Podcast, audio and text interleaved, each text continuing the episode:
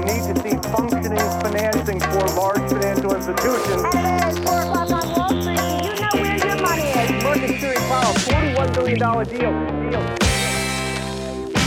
Då säger vi äntligen bonusavsnitt. Det kliar ju lite grann i fingrarna på mig under veckan också så att precis som förra gången så blir det ett litet extra bonusavsnitt och den här gången gästas jag av ägartjänsten Holdings. Jag tror att de flesta av er har sett datan som de publicerar men ni kanske inte riktigt vet vilka de är. Jag tror att de flesta gör det. Men efter det här poddavsnittet så kommer alla som lyssnar här åtminstone veta vilka de är och jag har med mig både VD och vice VD Petter Hedborg och Måns Flodberg. Varmt välkomna hit! Stort tack! Tack så mycket. Kul att ha er här och extra kul också att ni sa initialt innan vi började spela in att ni är urbota aktienördar. Det kanske vi också kommer komma in på lite grann i ert intresse för börsen och inte bara ägardata. Men om vi börjar från början, berätta lite grann om er själva. Vilka är ni? Eh, nej men vi kan väl börja där i aktieintresset för det var egentligen eh, från det som, som eh, Måns och jag träffades eh, första gången. Eh, vi började plugga båda två eh, sommaren 2007 eh, och i det så började vi ganska tidigt inse att, att det var inte så himla många som, som var lika djupt nördigt aktieintresserade som, som vi två var. Så att vi började prata bolag, investeringsstrategier och ganska tidigt så bestämde vi oss också för att starta bolag ihop. Och hur gamla var ni här när ni startade det här bolaget då? Eh, ja, det är ganska exakt 10 år sedan idag så att jag var 21 och du var 20. Det får man ändå säga, det är ganska tidigt. Visste ni från början, för nu hade ni ju aktieintresset så att säga, visste ni från början när ni klickade liksom direkt och kände att det här måste vi göra någonting av. Vi har intresset, men vi måste någonstans också hitta eh, ett sätt att liksom aggregera den här datan och kunna göra något extra av vårt intresse. Absolut. Eh, det här var ju faktiskt vårt, vårt första bolag som vi startade tillsammans då som hette Introduce.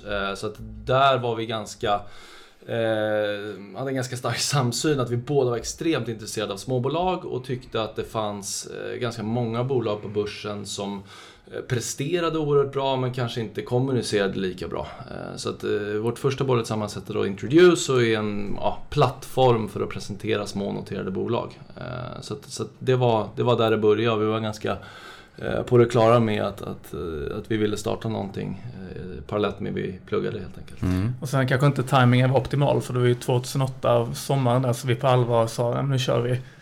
Vi fick plats på, i Handels företagsinkubator och de var lite tveksamma till, till oss överhuvudtaget. Men gjorde det tack och lov.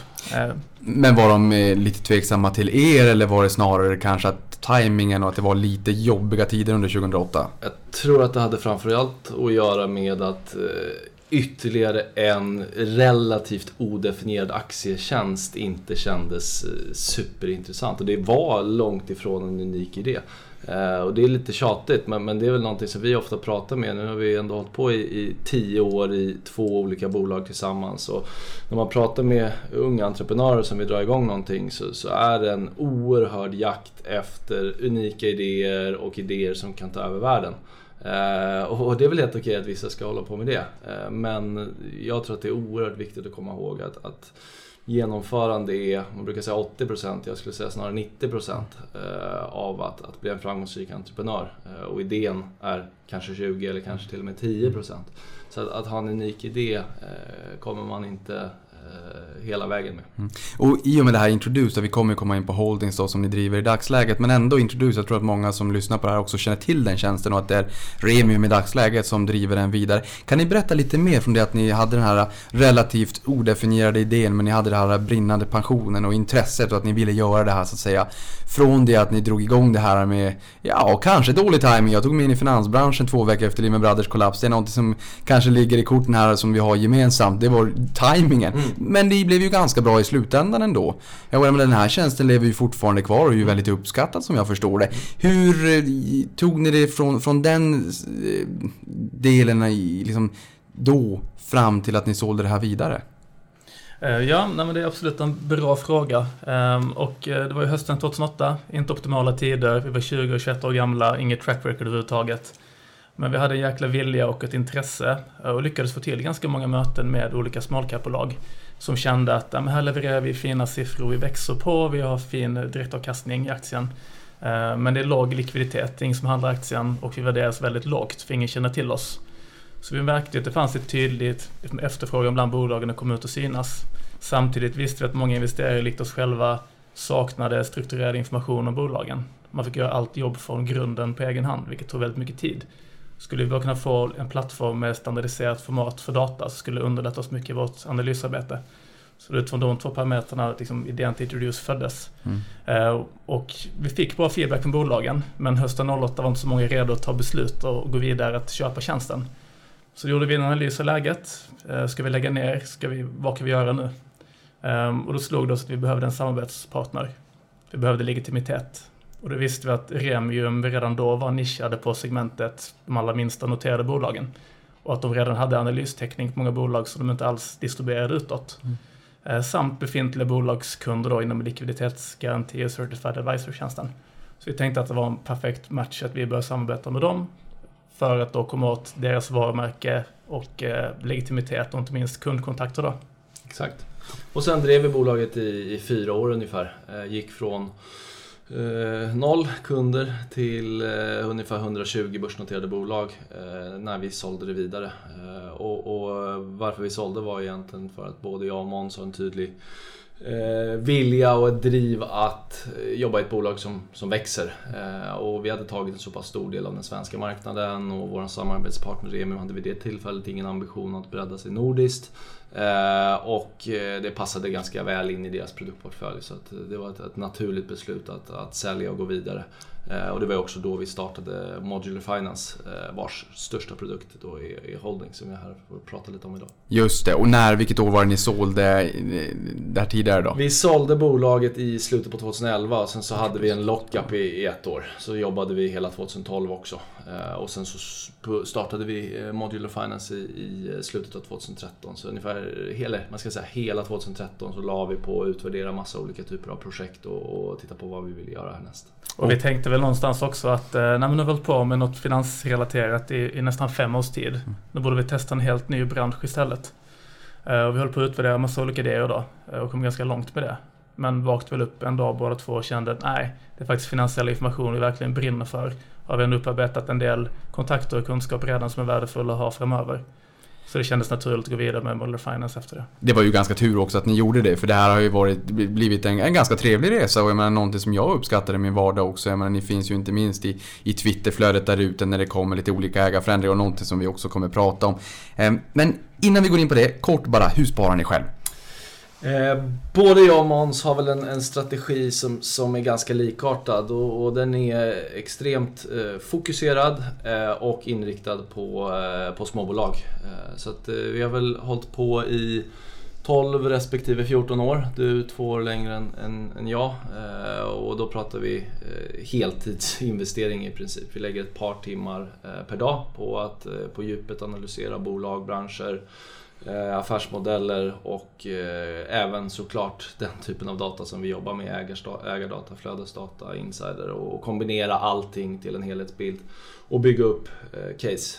Jag beskriver min egen strategi som en, som en aktiv case-strategi där jag ofta inte har mer än fyra till sex bolag i min portfölj som jag följer oerhört nära och försöker lära mig så mycket jag kan om. Eh, och sen har väldigt, väldigt väldefinierade ehm, innehavsperioder. Allting från som kortast 2-3 månader till eh, upp till kanske två års tid.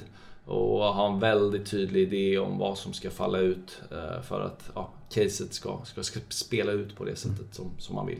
Ja, du är ju helt på rätt ställe i och med att du har en väldigt koncentrerad portfölj. Det brukar man ju också säga att då måste man ha betydligt bättre koll på bolaget. Och här så att man har liksom en, lite mer diversifierad portfölj, ja men då kanske man inte behöver ha lika mycket koll. Du är ju på helt rätt ställe i sådana fall för att ha den här koncentrerade portföljen. Precis. Måns då, hur, hur, hur, är, hur ser det ut för dig?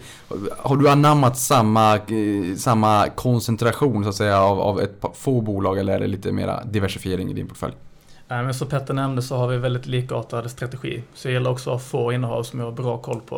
Och det är i synnerhet då mindre men lönsamma då småbolag som jag investerar i. Och gärna försöka hitta den här sweet spoten då när bolaget är ganska litet och okänt av många. Men det jag vet, för jag läser på då, att bolaget har bra momentum just nu.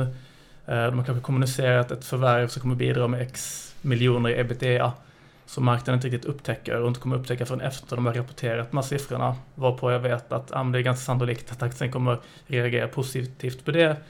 Varpå kanske fler får upp ögonen så att det blir ett positivt momentum av det hela.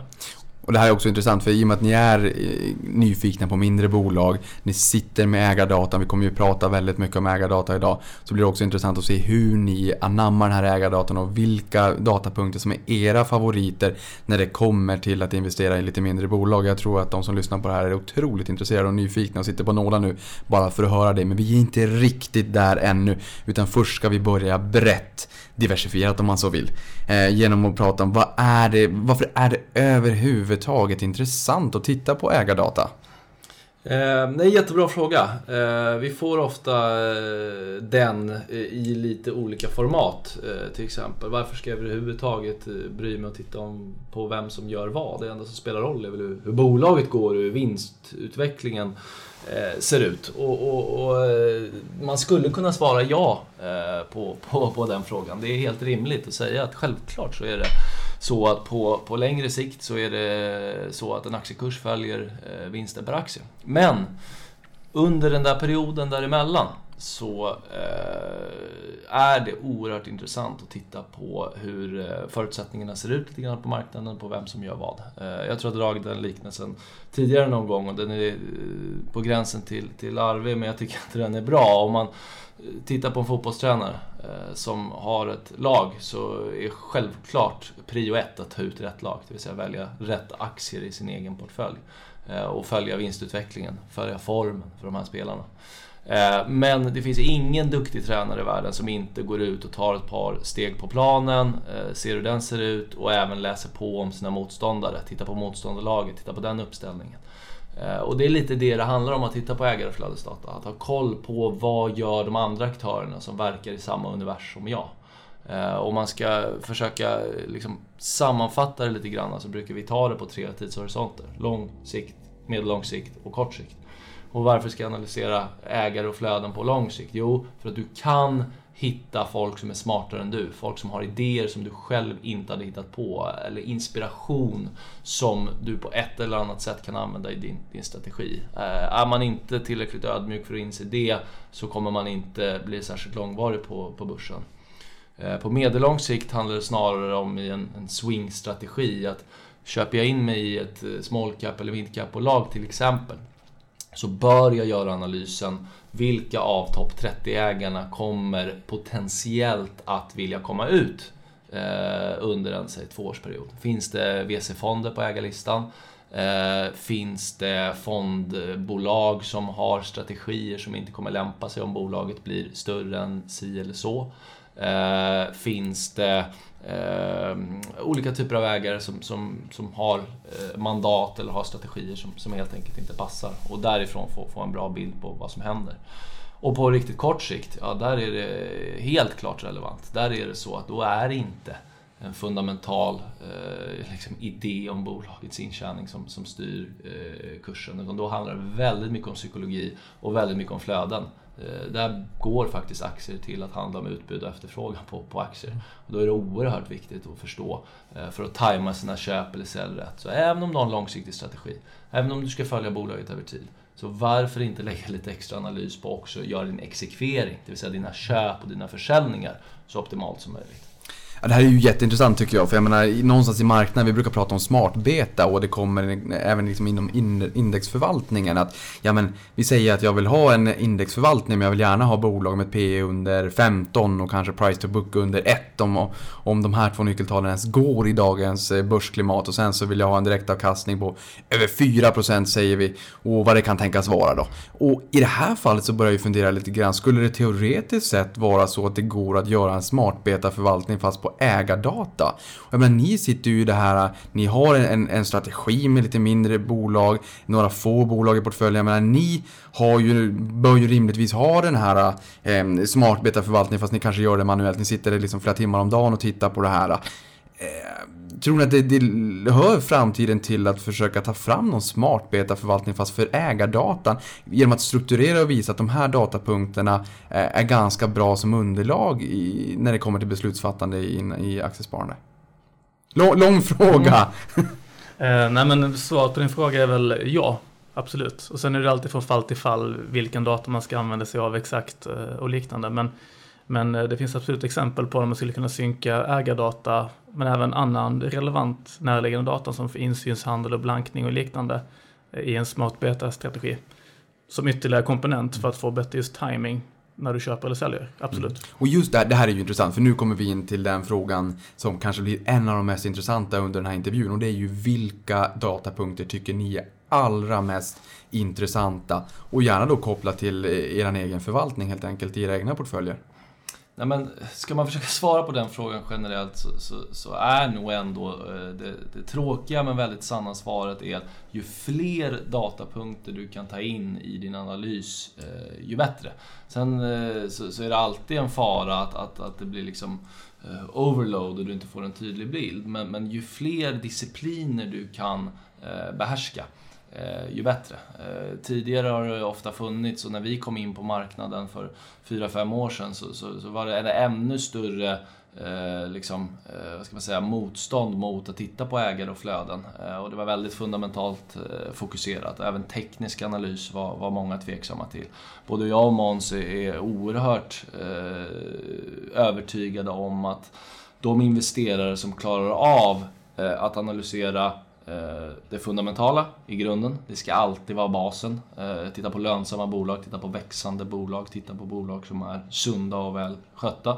Men också ta in psykologin, det vill säga den tekniska analysen. Titta på trender i aktien, titta på eh, motstånd och, och stödnivåer eh, som ett eh, redskap för att se hur marknaden tänker kring eller känner kring aktien just nu. Och sen på toppen av det flöden, eh, både från en signalvärdeseffekt men också en ren flödeseffekt när det kommer att köpa och sälj. Eh, så, att, så det är nog det stora och det tråkiga svaret. Att, att ska man bli riktigt duktig på det här så ska man behärska allt. Eh, men om man ska ta upp någonting, eh, och det är något jag har pratat om förut i andra sammanhang som, som vi tycker är oerhört intressant, så är det just det här som Måns var lite inne på. Att försöka hitta bolag precis innan de uppmärksammas av marknaden. Och det kan vara ett, ett, ett, småbolag som går från noll till någonting i intresse. Mm. Men det kan också vara ett, eh, ett, ett midcap som går från att vara ett, ett liksom mindre spännande bolag till att bli ett bolag som ska med i alla Sverigefonder som, som finns. Eh, och det som händer vid båda de här, låt säga inflektionspunkterna där, där det liksom händer någonting är att du får något som vi brukar kalla för en efterfrågechock på aktier. Eh, det är ett ganska konstant utbud av aktier. Det är ungefär lika många som vill sälja aktier i marknaden. Men plötsligt händer det någonting strukturellt. Eh, en, en storlek på bolaget, en likviditet i aktien eh, som gör att till exempel en småbolagsfond eller ett par småbolagsfonder öppnar ögonen för det här bolaget. Och det är just i de där tillfällena som du får det som man brukar benämna som multipel expansion. Det vill säga att, att man är beredd att betala Eh, fler gånger varje vinstkrona. Eh, för det helt enkelt är så attraktivt att komma åt de här aktierna. Så att just att hitta sweet spot, eh, bolag, om vi tittar på småbolagscaset då, brukar ligga Eh, någonstans mellan eh, 5 och 900 miljoner kronor om man ska ta ett lite större spann. Men jag ska säga ett eh, börsvärdespunkt så ska jag säga kring 800-850 miljoner kronor i, i, i börsvärde.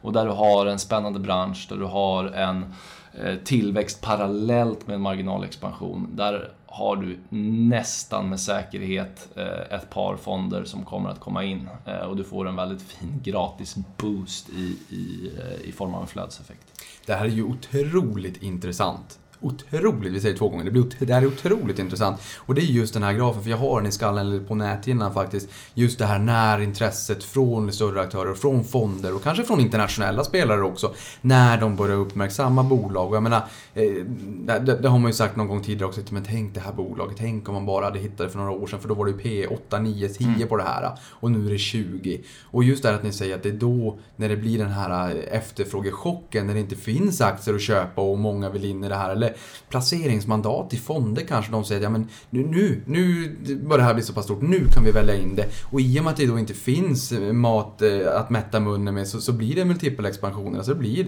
29,90 per kilo bananer istället för 19,90. Måns, vad säger du?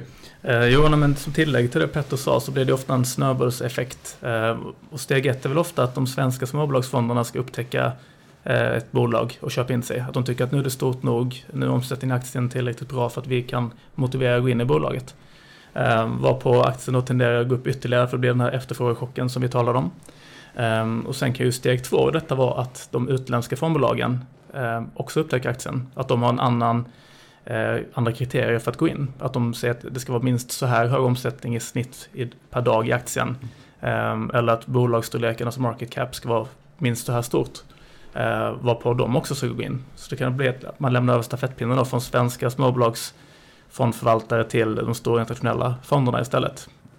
Men, eh, och hur brukar det bli här? Jag menar när vi, när vi pratar här om utbuds eller efterfrågechock då och att eh, utbudet inte riktigt svarar upp till den här efterfrågan. Det är många fonder som vill in i bolaget, säg för att de har blivit lite, man klätt bruden för bröllop och många blir nyfikna på det här och kanske samtidigt också svensk flockmentalitet, eller flock, flockmentalitet liksom i, i överlag. överlag så att säga. Eh, Försöker de köpa det här över börsen då? Eller brukar det tendera att vara blockaffärer? Jag menar, vi såg ju något bolag här för en tid sedan som Modin Fonder köpte in sig i och, och, då tänkte man jaha, nu är det ju storägarna här i bolaget, de säljer av, vad är det nu som händer? Och så blir man orolig. Och så inser man att det var enda sättet för det här fondbolaget att komma in i bolaget och få en stek och komma in i ägarlistan.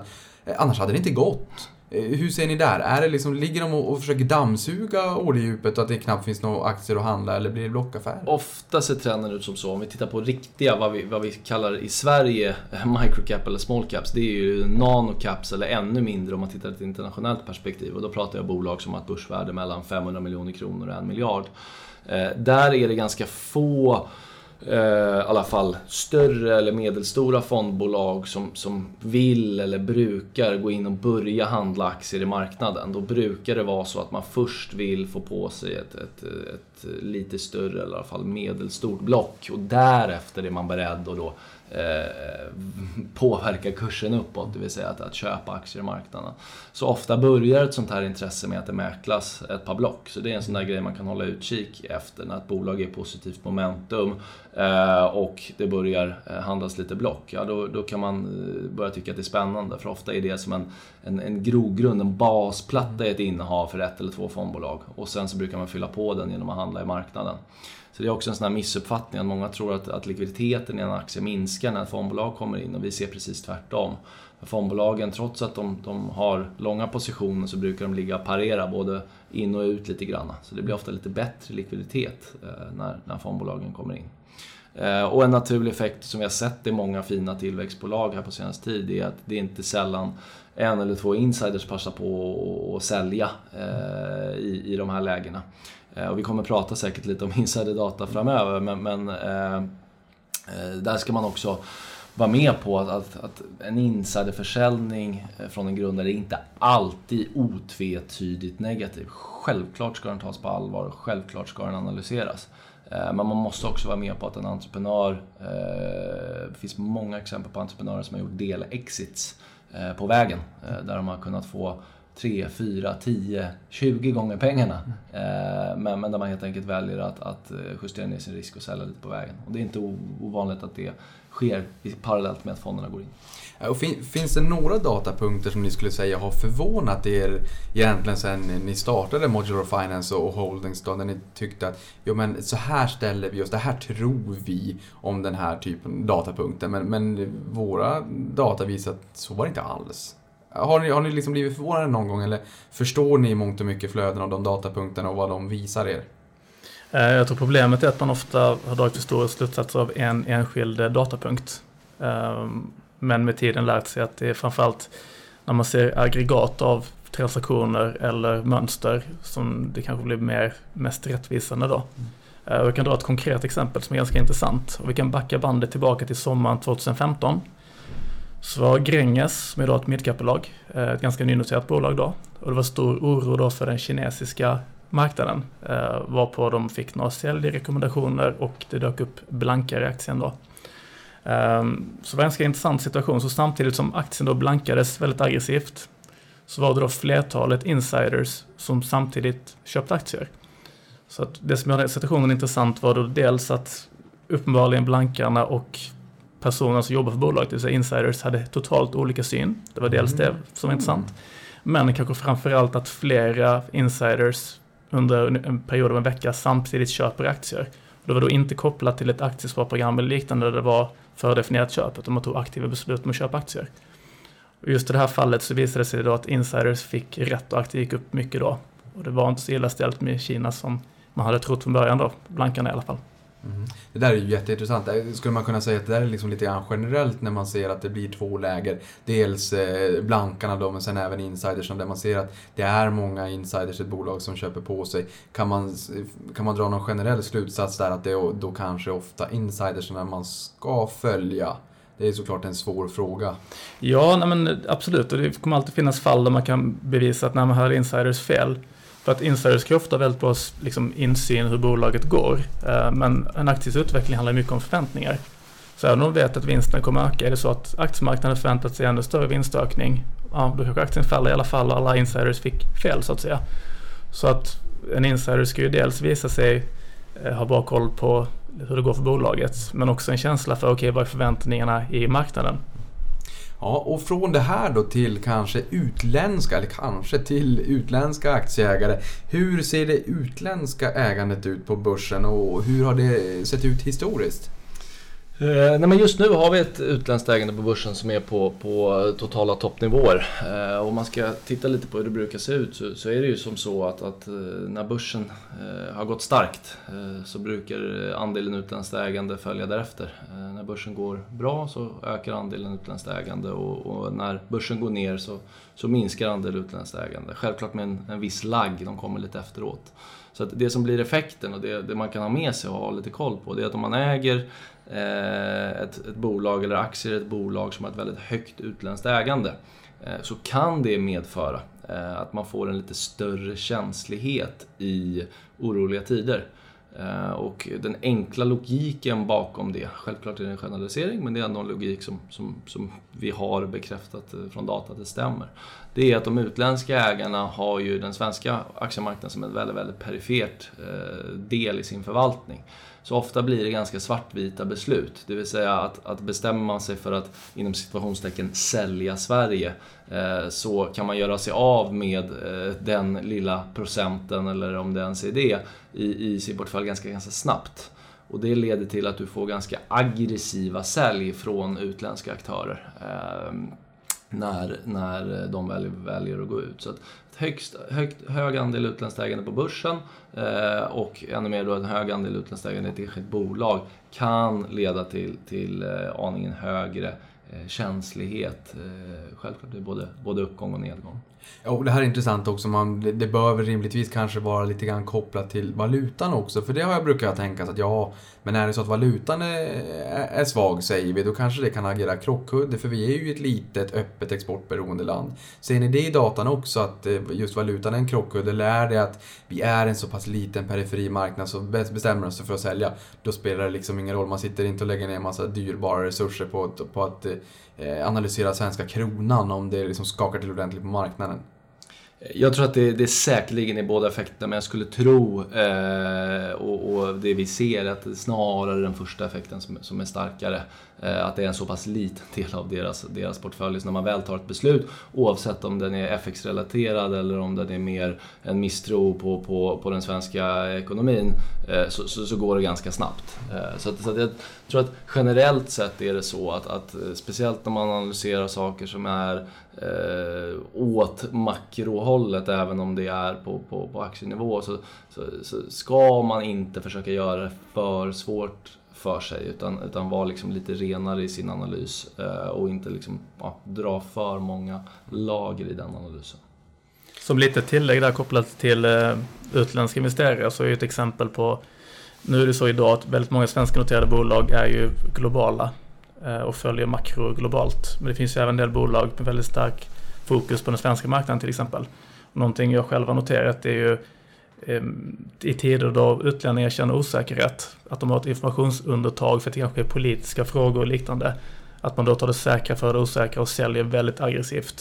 Så det kan bland annat vara kopplat till eh, välfärdsbolagen och liknande, eller andra politiskt utsatta branscher, så, så blir de nog lite känsligare men försiktiga. Då.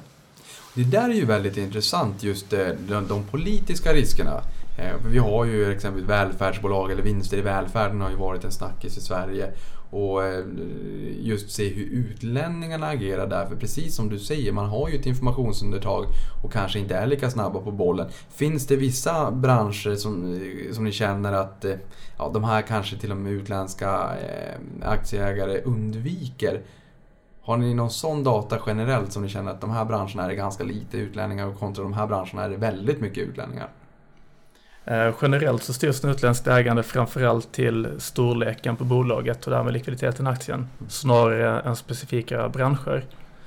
Men är det storleken där också så funderar jag lite. För ETFer har man ju pratat om mycket. Nu är det med nya eh, Mifid 2 i Sverige så får vi inte handla amerikanska ETFer vilket vi tycker är supertråkigt såklart. Men det till trots så är det ju fortfarande så att ETFer globalt växer och är en ganska stor business och med det kommer ju mycket passiva flöden också. Skulle ni säga att det finns en effekt på svenska marknaden, precis som det här med utlänningar som kan sälja aggressivt, att vi kan få se ytterligare eh, st starkare flöden och svängningar på den svenska börsen baserat på att ETFer växer, att de passiva fondflödena växer. Vad säger ni där? Det tror jag absolut. Eh, vi är fortfarande ganska långt ifrån de Eh, nivåer om man tittar på total andel passivt ägande eh, jämfört med, med till exempel USA. Eh, men, men det är helt klart så att det har ökat och det har vi ju sett vid ett antal tillfällen att, att det blir en en, en, en, en datoriserad flockmentalitet. Att när det börjar bli stora svängningar så, så, går det väldigt, väldigt snabbt. För att datorerna är nästan för smarta och vill agera så himla snabbt. Och så ska alla agera samtidigt och så triggar det ytterligare stopplossnivåer i, i, i de här eh, strategierna. Så att, det är helt klart så att, att det är en faktor. Eh, men för oss som är aktieintresserade, som följer bolag, som är beredda att analysera allt från eh, trender till eh, flöden till fundamentala parametrar så är allt sånt här bara en möjlighet. För att ju större omotiverade flöden som du har av tekniska faktorer i dina favoritbolag, ju bättre möjlighet har du att, att göra riktigt bra exekvering och förstå vem det är som, som köper eller säljer och av vilka anledningar. Så att... Eh, så att um, går, det, går det någonstans att rada upp ett par, tre brusfaktorer? Som man, om det är så att man är väldigt intresserad av ett bolag, men där ni ser att liksom, de här faktorerna kan ha en press på kursen, men det är egentligen bara brus. Det är ingenting att bry sig om i de allra flesta fall. Um Ja, vi kan ta eh, tre eh, exempel. Nummer ett då, om du har ett bolag som redan är eh, oerhört blankat ehm, så är den generella analysen att när blankningen ökar ytterligare lite till, att det eh, tas som en ja, relativt hårt negativ signal. Eh, jag skulle snarare säga att om bolaget redan är hårt blankat så har du redan fått signaleffekten att det är någon som inte tror på det här bolaget av någon anledning. Om den redan stora blankningen ökar lite grann så ändrar inte det min bild nämnvärt. Eh, utan det handlar snarare om en, en, en justering åt det eller andra hållet. Så att i det fallet där du har ett bolag som redan är hårt blankat och den kanske ökar lite granna så skulle jag snarare våga vara lite contrarian och tänka att om det här är ett bolag som jag tror skulle kunna överraska lite åt det positiva hållet så är det där istället en, en kraftigt positiv datapunkt. Eh, om jag har ett bolag som är blankat till tvåsiffriga tal i andel av kapitalet eh, eller kanske i alla fall 7-8% så är det där aktier som, som är ett latent köptrick som någon gång kommer behöva köpas tillbaka. Så där har du en sån där intressant datapunkt där det brusar lite, där man hela tiden tolkar det negativt och det är så himla illa ute med det här bolaget. Men när man ska försöka leta bland de här hårt blankade bolagen och se, är det någon eh, är det något case där, där, där investerarkollektivet har varit lite för enkelspårig i sin analys eller helt enkelt har tänkt fel? Där man kan använda det där eh, till sin fördel. Eh, du kan även ta insidersälj eh, som eh, ett exempel. Eh, brukar säga att, att det, det finns eh, tusen anledningar till ett insidersälj, eller bara en till ett insiderköp. Det är väl en sanning med modifikation, men det ligger ändå någonting i det.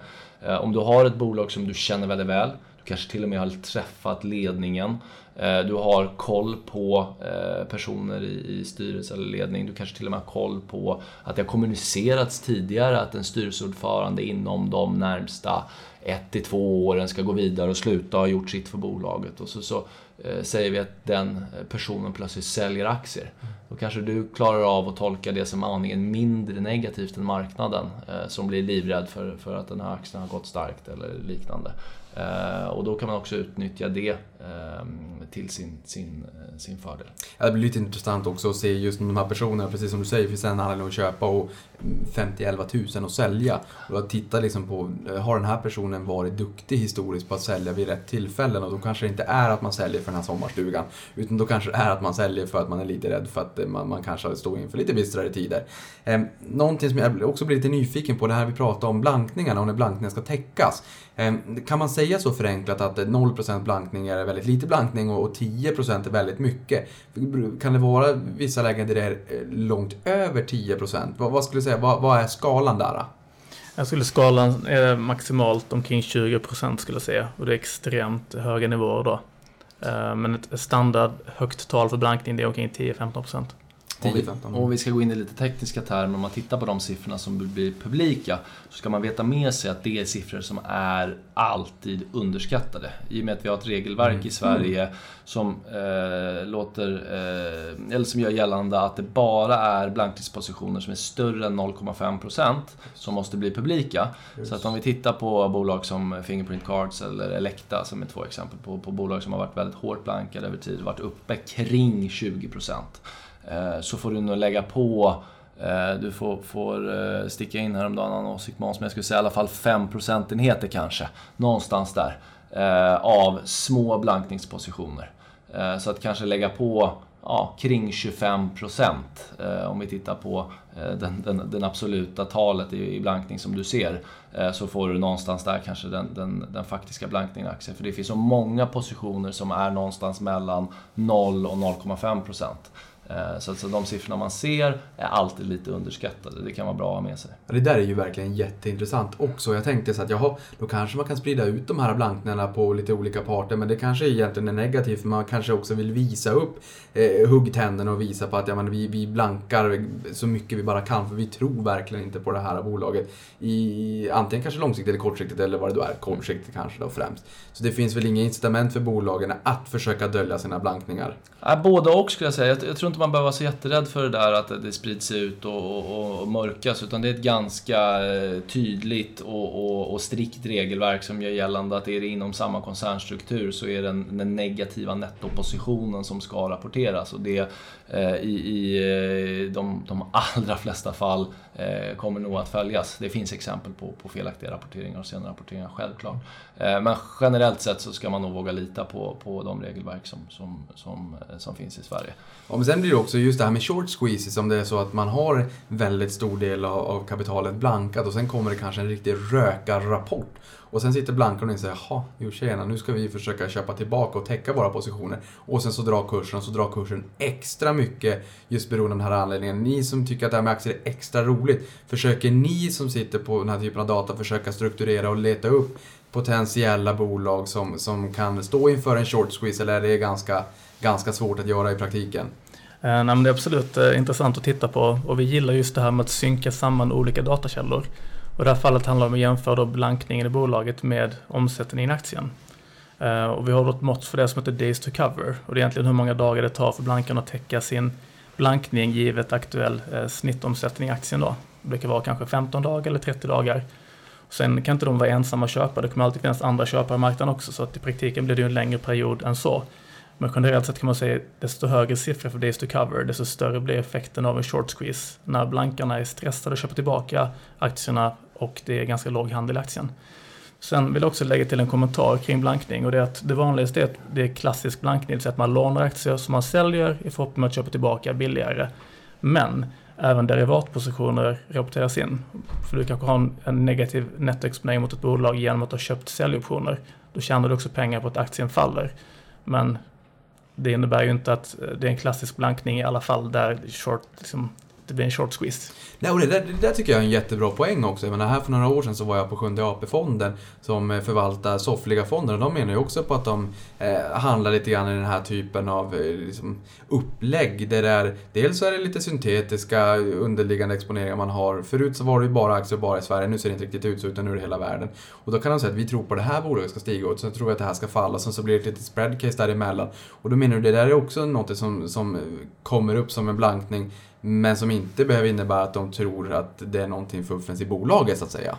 Nej, exakt. Eh, Jag tror ofta så överdriver man eh, liksom symbolvärdet av en blankning. Ja, Det det är inte Bill Ackman med, med Herbalife. Ja, exakt. Eh, Och det är ju ganska vanligt att till exempel hedgefonder har så kallad long short-strategi. Eh, Och det kan ju bara innebära, det behöver inte innebära att man tycker att den aktien man blankar är jättedyr eller dålig. Det bara innebär att man kanske tycker en annan aktie är lite lägre värderad och kommer gå bättre än den aktien man blankar. Eh, Så det gäller för någonstans att försöka se helheten och då koppla ägardatan till blankningsdatan i det här fallet. Mm. Och det här med days to cover också är lite farligt. Man vill ju inte gå via Hötorgsskrapan eller mellan Hötorgsskraporna på en liten tunn fiskelina. Om det är så att det är väldigt mycket blankat och sen kommer den här röka-rapporten. Då kan det bli riktigt, riktigt jobbigt. Men vi, vi eh, håller oss vid utlänningarna en liten, liten stund till. Och något som är intressant är ju att jag hörde en, en intervju med dig Petter här på eh, Sveriges Radio där du sa att det är rekordnivåer då när det kommer till utländskt ägande på svenska börsen. Och jag tror siffran var 44%. Men hur ser det ut för Stockholmsbörsen? OMXS30, de 30 mest omsatta aktierna, är ungefär 60% av värdet på hela Stockholmsbörsen, står large mid small cap. Eh, hur ser det ut på de andra listorna? Eller om vi tar liksom large mid small. Och har vi inte de exakta siffrorna, hur ser det ut ungefär? Har du en känsla, eller har ni en känsla för? Ja, men vi kan ta dem och, och eh, på large cap så befinner vi oss eh, väldigt, väldigt nära toppnivån och det är kring eh, 37-38% om vi mäter som andel av kapitalet i snittbolaget då på, på large cap. Så, så där är vi uppe kring, kring toppnivåer. På midcap cap så ser det nästan ännu mer extremt ut. Där har vi bara under de senaste två åren från eh, ja, eh, de, de senaste 24 månaderna helt enkelt gått från eh, någonstans kring 22% som andel av kapitalet till eh, idag kring 27%. Så där har det ökat ganska markant och vi är på ett absolut ATH. Eh, Medan small cap faktiskt, eh, till skillnad mot vad jag kan tänka mig att många tror, Eh, är inte i närheten av de nivåerna som rådde 2008-2009. Eh, där eh, någonstans kring 26%, 27% av kapitalet ägdes av utlänningar. Dit har vi inte riktigt kommit tillbaka utan vi ligger fortfarande kring 20% eh, andel utländskt ägande på, på idag. Har du någon aning vad det kan bero på? Någon egen liksom spekulation där kring varför man inte är tillbaka till Om man ska spekulera eh, så skulle jag väl eh, säga som så att, att sen finanskrisen 2008 så, så kan jag tänka mig att utländska investerare har varit ännu mer lite för- försiktiga i den här typen av perifera marknader. De inser och kommer ihåg den förfärliga känslan eh, som, som man också kommer ihåg själv när man plötsligt sitter med ett massa aktier i ett, i ett svenskt small cap-bolag som överhuvudtaget inte handlas och när det blir ett avslut så, så blinkar det rött minus 20%. Eh, så, så den effekten finns, finns säkerligen kvar där. Eh, också att vi har fått en mycket större och bredare small cap-lista där det har kommit in mycket nya typer av, av, av bolag som kanske är entreprenörsägda och som kanske inte är riktigt eh, ja, mogna för, för den typen av investerare. Går det att säga vilka bolag på börsen som tenderar att ha störst andel utländskt ägande eller kanske vilken typ av sektorer eh, som är extra eh, populära bland eh, utlänningarna? Jag skulle säga att det, det skiljer sig lite. Självklart finns det vissa sektorer som, som har lite större och, och lite lägre utländskt ägande. Utan det är snarare så att man ska titta på, på eh, bolag till bolag eh, och, och titta vilka som av en eller annan anledning har lyckats dra till sig eh, intresse. Eh, ett bolag som, som, som har stuckit ut länge, som, som eh, fortfarande sticker ut i till exempel Swedish Match. Eh, en, en Eh, parameter där är väl säkert att, att liksom, eh, ägarstyrningsavdelningarna i, i Sverige som, som är väldigt eh, ja, noggranna och, och styr hårt efter den, den etiska kompassen bland annat har, har valt bort det bolaget medan utländska investerare kanske inte har, har riktigt samma beslutsparametrar. Men det finns olika exempel och, och olika case och, och där råder vi alltid att i den mån man kan titta eh, i specifika bolagsfall och jämföra med snittsiffror själv. Går det att säga vilken som är den enskilt största utländska investeraren på svenska börsen? Jag tänker som spontant direkt, och norska oljefonden borde vara någorlunda stor i alla fall. Men, men har ni någon eh, närmare exakt uppgift på det? Absolut, och de absolut största investerarna i Sverige idag, eh, det är de amerikanska fondbolagen Blackrock och Vanguard. Som då består både av aktivt och passivt förvaltade fonder. Ehm, och av deras passivt förvaltade fonder så utgörs ju merparten då av ETFer. Ehm, sen har vi ju då med aktiv förvaltning också, och då har vi till exempel eh, Norges Bank Investment Management, det vill säga oljefonden, som är en stor ägare idag i Sverige. Ehm, följt av då till exempel aktörer som eh, Sampo som vi vet är huvudägare i Nordea som får en stor andel också. Norges Bank är ett exempel på ett bolag eller en aktör med väldigt många innehav i, i Sverige. Men som också valt bort av vissa sektorer faktiskt. Eh, Swedish Match till exempel. Mm. Ja, det är intressant och även då vilka bolag som kanske är eh, lyckas locka utlänningarnas gunst. Vi har ju varit in på blankning lite grann som har varit på tapeten senare år. Och också med turen då i, i Fingerprint såklart och vi var ju in här på blankning alldeles nyss.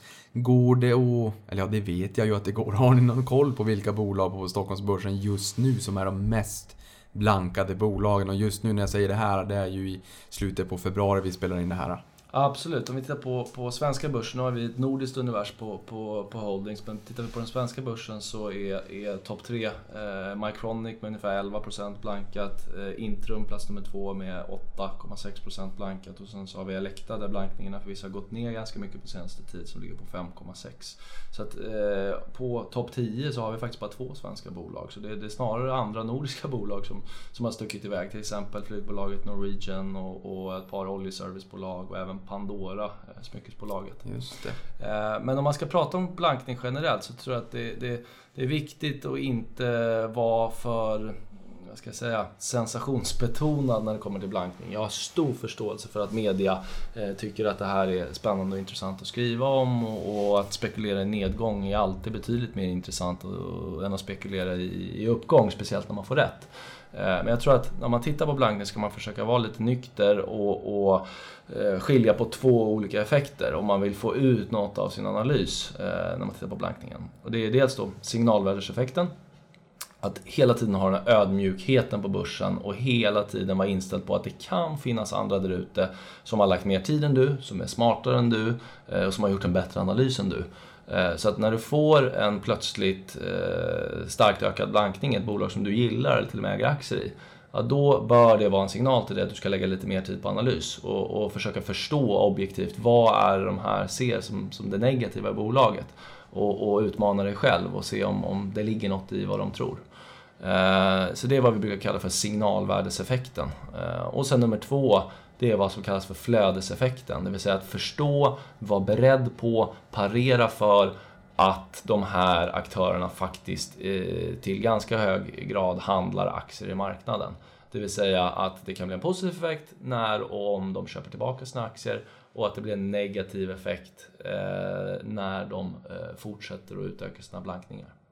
Och är det då så att man tycker att man har gjort en bra analys av ett bolag men där man, har, där man är under attack av blankare så kanske man i sådana fall, precis som du säger, att man gör sin egen analys lite extra, man liksom lägger ner extra energi och tänker så här, hmm, vad är det de ser som inte jag ser? Och är det så att caset är intakt, då kanske man också kan utnyttja den svagheten i sådana fall att köpa mer aktier i det här bolaget. Om det är så att man tror att man har rätt och att blankarna har fel i det här fallet då. Och om så är fallet så är du i en väldigt, väldigt tacksam position som är otvetydigt positiv. Har du rätt, är din analys rätt, att eh, bolaget kommer att fortsätta prestera och, och det är en hög attack från blankare. Det enda som de kan göra är att påverka eh, på kort sikt. Eh, nu vet jag att det är säkert många som tänker på Fingerprint och där är jag faktiskt också beredd att ta ett steg tillbaka från det eh, uttalandet. För Fingerprint var speciell.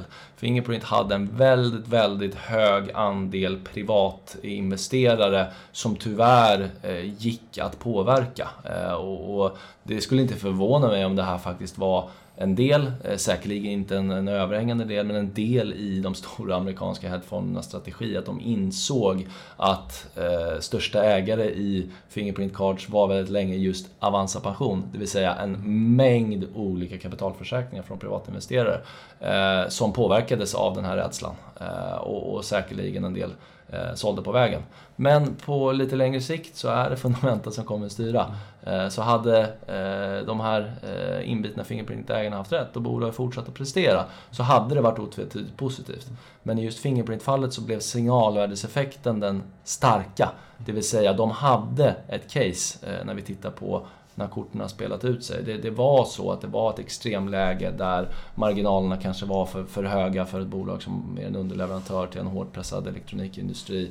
Eh, och de hade en first mover advantage som, som, som kanske inte skulle räcka så, så himla länge. Så skilj på signalvärdeseffekt och flödeseffekt. Nej, och det är ju precis som när, när korten synades eh, helt, eh, helt enkelt. När fundamentan kom ikapp så såg vi ju liksom att ja, det fanns ju ett case där, precis som du är inne på. Men någonting som också eh, jag är lite nyfiken på är ju Ehm, eh, just caset kring Intrum, eller Intrum Justitia, det är ju Intrum numera då, där blankarna kom in i det här bolaget. Och där hörde jag att man från bolagets sida hade sagt att ja, men vi pratade med amerikanska blankare och de sa att det var egentligen inte Intrum de ville blanka utan det var snarare sektorn i Sverige de ville blanka.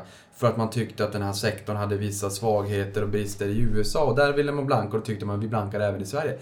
Kan det vara så eller är det en dålig ursäkt? Vad tror ni? Kan en blankare verkligen vilja blanka en, en sektor och att man därigenom tar, tar vad som finns och står till buds? Eller är det en dålig ursäkt? Eh, nej, jag tror absolut så kan vara fallet. Så vet jag, vi vet ju inte sanningen så att säga. Alla kan ju säga en sak och mena en annan, men eh, man måste ju tänka på att de här aktörerna är ju ganska stora överlag. Har väldigt stora hedgefonder med, med mycket pengar i. Eh, och då kan det ju vara egentligen likviditeten som styr att Intrum är lite större än sina peers. Eh, och vill man då komma åt sektorn, om det verkligen så är fallet, ehm, så måste du blanka Intrum för att det kanske får dålig likviditet i de andra aktierna. Ifall det är så att det är en traditionell blankning där de lånar aktier av en befintlig ägare, säljer dem och hoppas kunna köpa tillbaka dem billigare i ett senare skede. Kan ni, kan ni se också vilka blankare som har haft mest rätt historiskt? Vilka som har varit duktigast? Absolut, och där tittar vi ofta på... på på just blankare i, i enskilda bolag. Så just i Fingerprint-fallet så var det ju eh, ett par aktörer, till exempel SRS, eh, eh, en aktör som, som, som historiskt lyckades hela tiden tajma bra. Eh, så, så där har vi ehm, ett par aktörer som, som, som har varit väldigt, väldigt duktiga eh, i enskilda bolag. Eh, om vi tittar på utestående positioner idag så, så har vi ett par blankare som till och med ligger upp nära 100% i sina positioner. Till exempel Whale Rock Capital i sin blankning av, av Fingerprint Cards. Även Calixto i, i Fingerprint ligger nära de nivåerna. och du har även exempel i, i eh, andra nordiska bolag som, som, som ligger väldigt, väldigt bra till. Men det ska man också komma ihåg att eh, blankningen går ju åt båda håll. Eh, och, och det är nedsidan som är den största. För den är nämligen obegränsad när du blankar en aktie. Eh, samma sak som när du köper en aktie så är egentligen uppsidan obegränsad. Det kan fortsätta gå upp hur länge som helst. Men när du blankar så blir det precis tvärtom. Så där har vi några läskiga exempel på till exempel Ennismore Fund eh, Management som i Oriflame ligger eh, back 170% på, på sin blankning.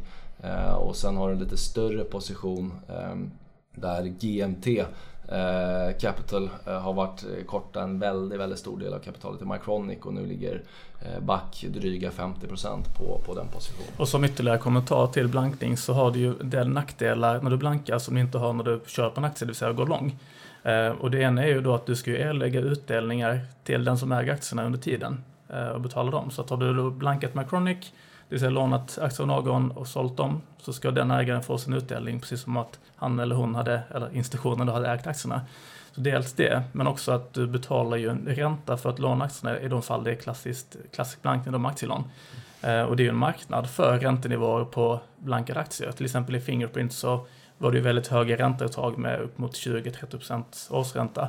Eh, och då har du att tiden verkar mot dig som blankare. Och du måste få rätt ganska snabbt för att den här räntan är väldigt hög. Eh, men det är ju med ett unikt fall just i Fingerprint. Kollar vi kanske ett klassiskt large cap-bolag eh, så kanske det handlar om 1% på årsbasis, vilket inte är jättemycket pengar egentligen. Eh, men för en stor institution som är väldigt långsiktig ägare och aldrig kommer sälja så är det ett bra sätt för dem att få extra avkastning såklart. Så ska vi knyta ihop säcken lite kring, kring blankning så, så var vi inne på tidigare att man ska vara ödmjuk och hela tiden vara beredd på att någon eh, är bättre påläst och har, har Eh, är smartare än vad du själv är.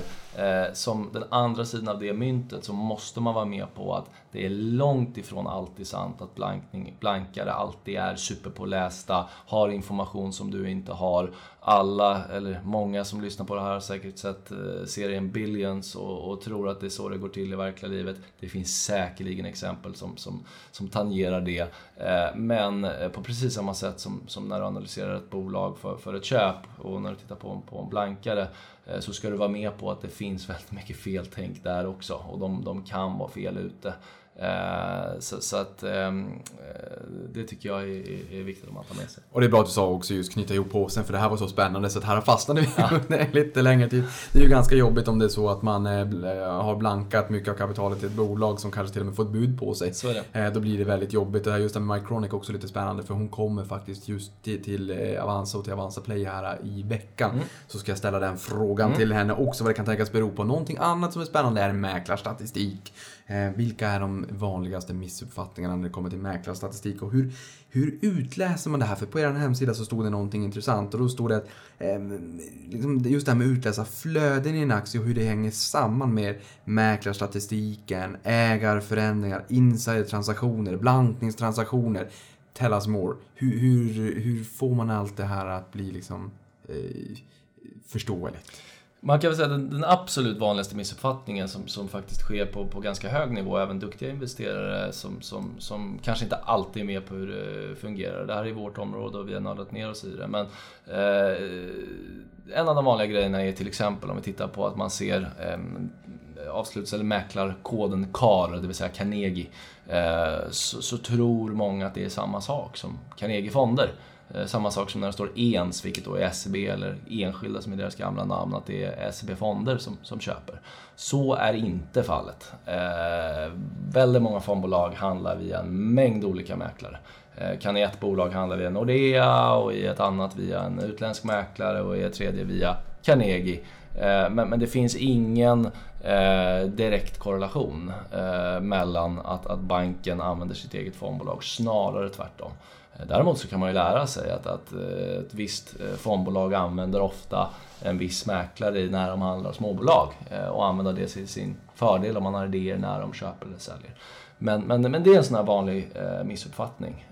Samma sak gäller utländska mäklare. Det finns många exempel på svenska aktörer som använder utländska mäklare. Och där träffar vi ofta förvaltare när vi är ute och säljer vårt system som, som säger ja men jag har ju koll på det utländska ägandet redan. Det är bara att titta på vilka som, som, som, som handlar, alltså titta på mäklarstatistiken. Eh, det är också en, en falsk trygghet. Eh, det finns väldigt många exempel på, på svenska aktörer som använder utländska mäklare. Så ska du titta på en, en äkta bild på det utländska ägandet så, så måste du titta på ägardata. Eh, det är jätteintressant. Vi brukar ju få frågan ibland varför är det så att Avanza äger Fingerprint? Mm. Men precis som du, ni var inne här på tidigare så är det ju inte så utan du är i sådana fall Avanza Pension kanske i kapitalförsäkringar, kunders kapitalförsäkringar då. Ja. Där Fingerprint ligger i. Mm. Och så dyker vi upp på ägarlistan. Ja, och bara för att ta ett, ett, ett extremt exempel då för att skilja på en mäklare som handlar aktien. Om man ska köpa en lägenhet eller om man ska köpa ett hus så går man till, eh, till Fastighetsbyrån eller till Erik Olsson eller till Skandiamäklarna. De mäklar affären. Men det är ju inte de sen som äger lägenheten utan det gör du Niklas som, som har köpt den. Eh, på samma sätt så eh, kan ju jag ha mina aktier på en Avanza-depå, en Avanza-kapitalförsäkring som vi pratade om. Ja, den hamnar under Avanza Pension. Det är ju ett, ett, ett, en, ett case som dyker upp. Men det kan vara så att jag faktiskt har köpt eh, ett block aktier i, i eh, via min mäklare på Carnegie och lägger in dem i min Avanza-depå. Så det finns massa sådana olika exempel på där man kan använda en mäklare men om man deponerar dem i, i en viss depå eller om man äger dem i eget namn. Eh, bara för att jag handlar via Avanza så kommer det inte vara så att Avanza Pension skjuter upp för att ni har massa kunder som äger via vanliga eh, VP-konton eh, och, och, då kommer det vara så att man dyker upp i eget namn. Samma sak med ISK-konton. Då dyker man upp i eget namn. Men då vet jag här att många som sitter och lyssnar på det här nu är extra nyfikna. Så, men säg mig då vilka flöden som är mest intressant att titta på. Strecket och anonyma och ja, då är det ju alltid de här amerikanarna och hit och dit som kollar nu är de här och förstör och sådär. Ehm, Rangorden, vilka är de mest intressanta? Sen så förstår jag, det här blir en soppa. Det går inte liksom att, att peka så att det där är bra, det där är dåligt. Men, men om vi måste rangordna, va, va, vilka, mm, vilka mäklare har störst signalvärde skulle ni säga? Vad, vad, vad är det som får er att bli lite nyfikna när ni, när ni ser flödena? Men jag skulle kunna ta exempel. Om jag eh, handlar aktier i ett, ett, ett riktigt eh, microcap eller i ett, eh, ett small cap och, och där är det företrädesvis Nordnet och Avanza som, som, eh, som handlar. Eh, och jag som har suttit och stirrat på en börsskärm i 12-13 års tid eh, brukar kunna liksom nästan förstå eh, när det plötsligt är ett Carnegie eller ett Enskilda eller ett Danske Bank eh, eller ett Swedbank som börjar dyka upp i ägarlistan. För det kan ju dels vara retailflöden, det vill säga eh, private banking-kunder till exempel på, på de här eh, firmorna eh, som handlar själv eh, via eh, Direct Market Access och, och använder den mäklartikeln och gör affärer. Eh, men man brukar nästan kunna känna eller se när man håller på med det här ett tag vad som är en mäklarorder. Eh, så, så det är väl en sån där som, grej som jag tycker är spännande. Att, att första gången ett eh, Carnegie då till exempel, om vi ska ta det som exempel, dyker upp med en, säger dold köporder eh, i ett eh, litet small cap som, som jag ägt. Då är det en signal för mig att det här är inte helt omöjligt, att det är någon institution som, som har hittat det här nu eh, och som har börjat köpa. Och sen så kan man börja försöka matcha det där när ägardatan flödar in och se, ja men var det nu så att det var Lannebos microcap-fond som, som har handlat via Carnegie eller var det så att det var ett, ett litet spännande investmentbolag som gjorde det? Och sen börja eh, få idéer från det. Det är de som lyssnar på det här och som vill göra det här själva. Sen förstår jag att det är mycket erfarenhet över tid också såklart. Men var ska man börja nysta då? Om, om man vill ha en, två eller no, någonting typ bara att gå på så att säga. Hur ska man börja kunna själv eh, reflektera och titta i och kanske försöka jaga lite som Sherlock Holmes. De här eh, signalerna som visar att här är någonting spännande som händer i de här småbolagen. Um, jag skulle nog tråkigt nog säga att det gäller att lägga ner tiden på analys. Detta är analys som allt annat. Antingen kan du göra fundamental analys och sitta och räkna på bolaget, vad det kommer tjäna, marginaler, tillväxt framöver etc. Eller så är det teknisk analys och kolla trender i aktien. Um, eller så kollar du flöden. Uh, helst gör du allting. Som Petter nämnde tidigare så ser jag inte någon anledning att bara välja en väg framåt. Ofta väljer man att köra bara fundamentalt eller bara tekniskt eller bara flöden. Vi tycker varför inte kombinera alla datakällor om du har intresset och är beredd att lägga tiden. Eh, så svaret på din fråga är följ handeln dagligen. Mm. Se mönster i handeln. Är det mest avancerade Nordnet löpande som handlar och så helt plötsligt ser du då en större aktör eh, troligtvis då som kanske köper ganska mycket aktier varje dag via en viss mäklare, kanske Carnegie eller Goldman Sachs eller någon annan. Um, så kan man ju då liksom dra slutsatser utifrån det, se mönster och så kan du få stöd i data med att det kommer kanske en uppflaggning då. Att nu gick det här fondbolaget in och flaggade upp till 5% av aktierna i det här bolaget. Mm. Och då kan du förstå, aha, det måste vara de som har köpt massor av aktier via Nordea och Handelsbanken senaste två månaderna. Mm. Och vill man ha ett riktigt sånt där litet specialtips så är beredd att lägga mycket tid. Om man eh, äger, eller äger aktier i eller för ett bolag som har en ganska begränsad likviditet där det är så att det sticker ut om ett Nordea eller ett Enskilda eller ett Swedbank plötsligt börjar handla. Eh, då tycker jag man med fördel kan titta på när och om det sker en större insidertransaktion. Eh, insiderköp eller insidersälj. Så i den nya rapporteringen så behöver de berätta precis vilken dag och precis vilken snittkurs de gjorde den här affären till. Så du har två stycken ganska fina datapunkter att utgå ifrån. Eh, så det du kan göra då är att gå tillbaka till den dagen och titta i avslutshistoriken och eh, med ganska stor säkerhet, ibland med 100% säkerhet, så kan du lista ut okej, okay, person eh, X i bolag Y handlar via mäklare Z. Eh, så att nästa gång enskilda gör ett stort köp i det här bolaget Y så kan jag då gissa mig till att det där är inte helt omöjligt att det är samma insider som har fortsatt köpa och sen så kan jag eh, ja, eh, använda den informationen till att eh, eventuellt öka eller vad man nu vill göra. Så det är en sån här liten rolig grej som man kan lägga lite tid på att göra. Kvalificerade gissningar. Man kommer aldrig kunna vara säker där. Men man kan göra kvalificerade gissningar. Ja, då har ni hungriga detektiver där ute fått lite, lite stoff att gå på. Just det här med flöden, kort fråga bara. Eh, när det är omviktningar av index och sådär, är det kan man eh, liksom fånga gratis luncher där? Jag skulle säga svar, svar ja. Vi är förvånade varje år att, att eh, det går så pass väl. Det har väl lite att göra med att det inte det är inte helt säkert fram tills eh, det faktiskt rapporteras vilka eh, de bolag, nya bolagen är. Man kan göra ganska kvalificerade gissningar och, och, och ha idéer kring, kring vilka bolag som åker ut och in. Men, men, men det där är faktiskt en ganska stor effekt som finns kvar. Sen blir det inte med, med jätte jättemycket pengar alla gånger. Men för, för en privatinvesterare, om man lyckas eh, förstå det där och lyckas behärska det där så, så är det absolut en effekt som, som man kan lägga lite tid på. Då finns det alltså gratisluncher. Lär oss allting vi behöver veta om insidertransaktioner. Kvalitativt, kvantitativt. Hur ska man förhålla sig till insidertransaktioner? För där vet jag att det är inte så enkelt som att bara säga att alla köper bra och alla säljer dåligt. Hur, hur ska man tolka det? Det är lite incitamentsprogram och allt möjligt vad det kan tänkas vara. Mm, nej, vi var inne på det tidigare ja. med exemplet eh, Gränges där. Där mm. vi tyckte det var intressant ja, att det var flera olika insiders som köpte samtidigt då. Um, så steg nummer ett, det är väl att göra skillnad på, vad ska man säga, vanliga köp och aktiesparplaner. Det blir allt vanligare att bolag belönar anställda med eh, olika typer av aktiesparprogram istället. Att man köper in aktier billigt än att ge traditionell bonus till exempel. Och då kan man se då man kollar på insynstransaktionsrapporteringen att ofta blir det flera transaktioner samma dag och det är lite ojämna antal på antalet aktier. Eh, ibland får man en kommentar eller vet om att bolaget har sagt att vi har ett aktiesparprogram just nu. Um, så då kan man göra analysen att nej, men antagligen är det ett aktiesparprogram. De köpen skulle ske oavsett. Så att uh, det kanske inte är jätteintressant signal just då. Noll signal, eller inte noll får man ju inte säga. Nej, men, men ganska lågt. litet överlag. Och sen är det ju positivt att de anställda vill vara med i programmet överhuvudtaget. Och deras incitament att göra ett bra jobb framöver ökar ju sannolikt om de också äger mer aktier i bolaget. Så det är väl steg ett, skulle jag säga. Aktiesparprogram eller inte. Så nummer två, när det handlar om mer enskilda transaktioner, skulle jag passa på att göra en analys av helheten. Hur mycket aktier ägde den här personen innan? Hur stor procentuell minskning är detta av hans eller hennes tidigare innehav om det är så att de har sålt? Eh, men är det ett köp kan man till exempel då ställa det i relation till, okej, okay, vad äger den här personen tidigare? Hur stor lön har den här personen? Det är något man kanske själv kan kolla upp i årsredovisningen för bolaget och sätta det i relation till, ah, att den här personen borde få, upp, få ut x antal tusen efter skatt. Det här köpet, liksom, är det, påverkar det personens privatekonomi eller inte? Är det en stor andel eh, av lönen? Är det så att det är väldigt många månadslöner till exempel? Eh, och göra den typen av analys också. Och gärna kolla timing, kolla historiken. Har den här personen haft bra timing tidigare i köp? Är det så att de har vågat köpa dagar eh, då börsen har fallit väldigt mycket och gjort det bra historiskt? Eller liksom eh, inför en bra rapport som har kommit några månader senare.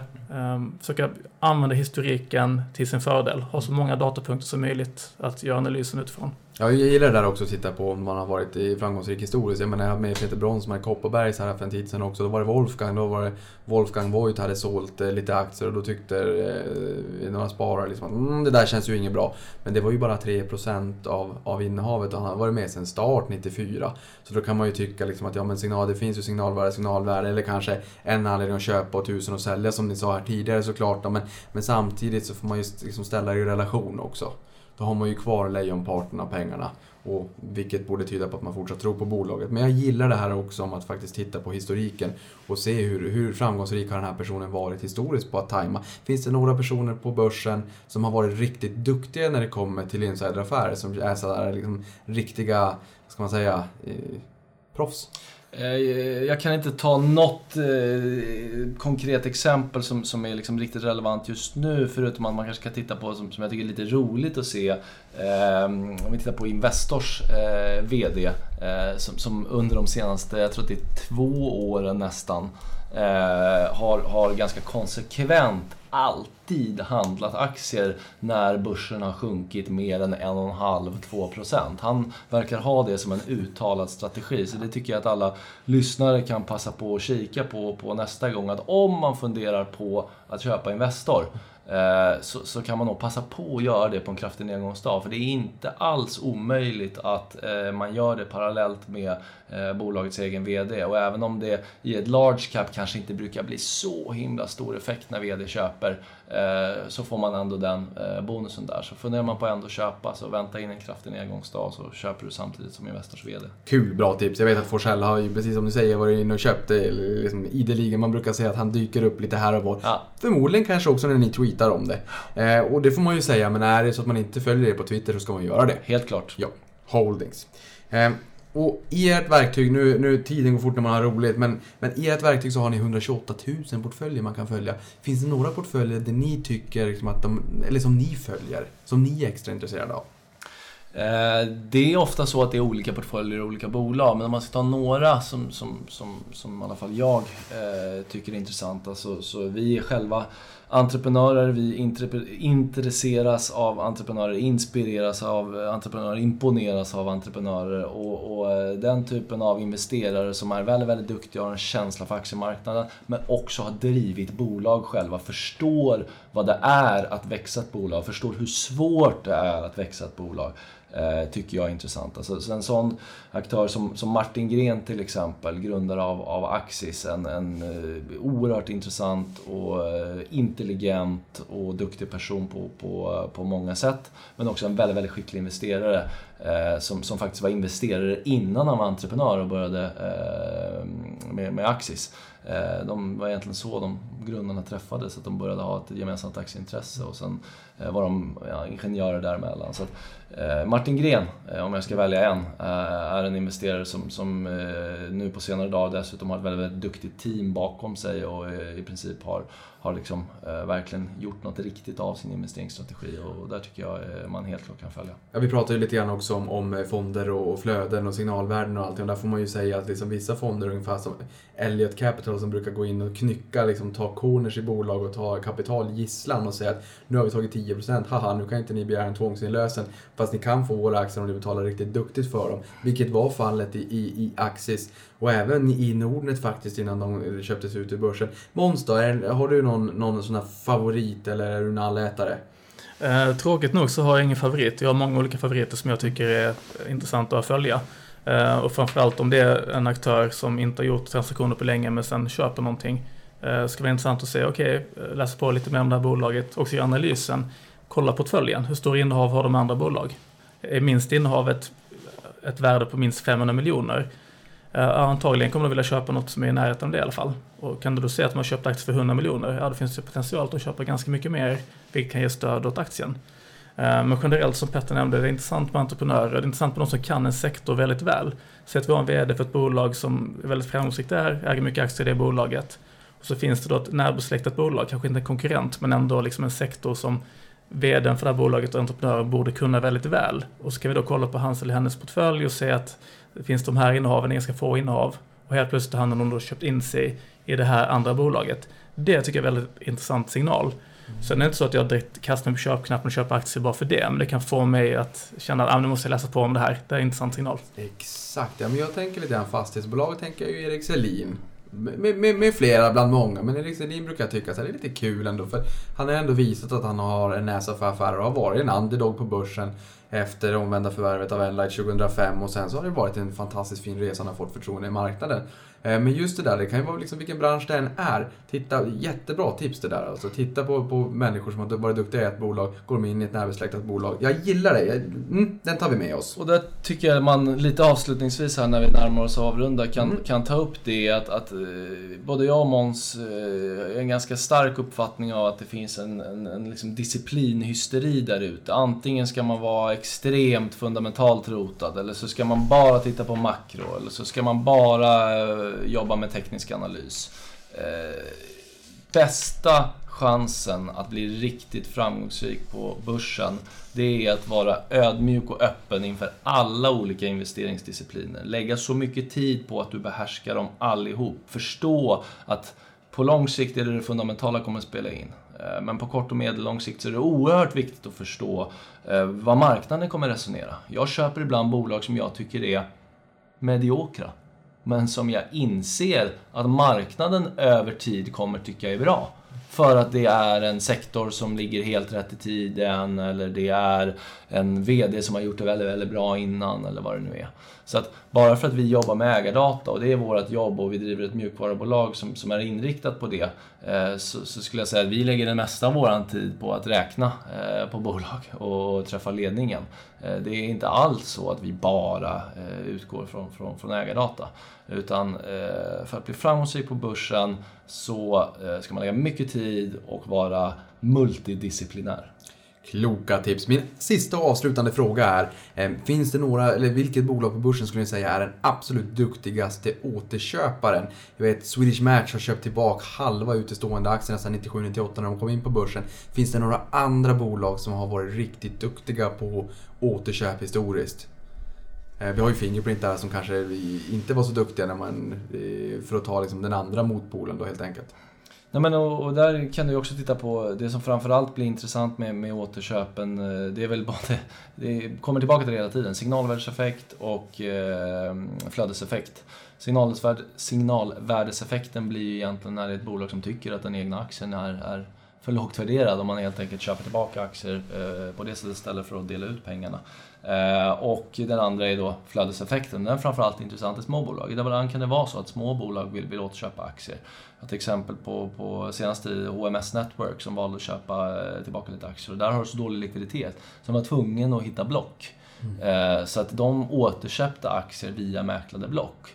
Och det är ganska positivt om man gillar den aktien och, och, och äh, tänker fortsätta äga. För du vet att du suger upp lite latent säljtryck. Sådana som vill passa på att sälja, de kan göra det direkt till bolaget. Eh, så, så, det är ett sånt roligt exempel. Och sen även lite mindre bolag eh, som kanske ett bolag som East9 eller Christian Berner Tech Trade som, som på senaste tid har återköpt lite aktier och som faktiskt kan påverka marknaden för det, det är relativt liten handel. Väldigt intressant det där och då får man ju också man får man väl titta på bolaget, hur duktiga de har varit på att köpa tillbaka i precis rätt tillfällen tidigare eller inte och dra sin slutsats av det. Hörni, stort tack för att ni kom hit och gästade podden och har lärt oss en hel del mer om ägardata och hur vi kan använda det i vår analys för att hitta bättre guldkorn där ute på börsen. Stort tack! Stort tack för att vi fick komma. Tack själv. Deal, deal.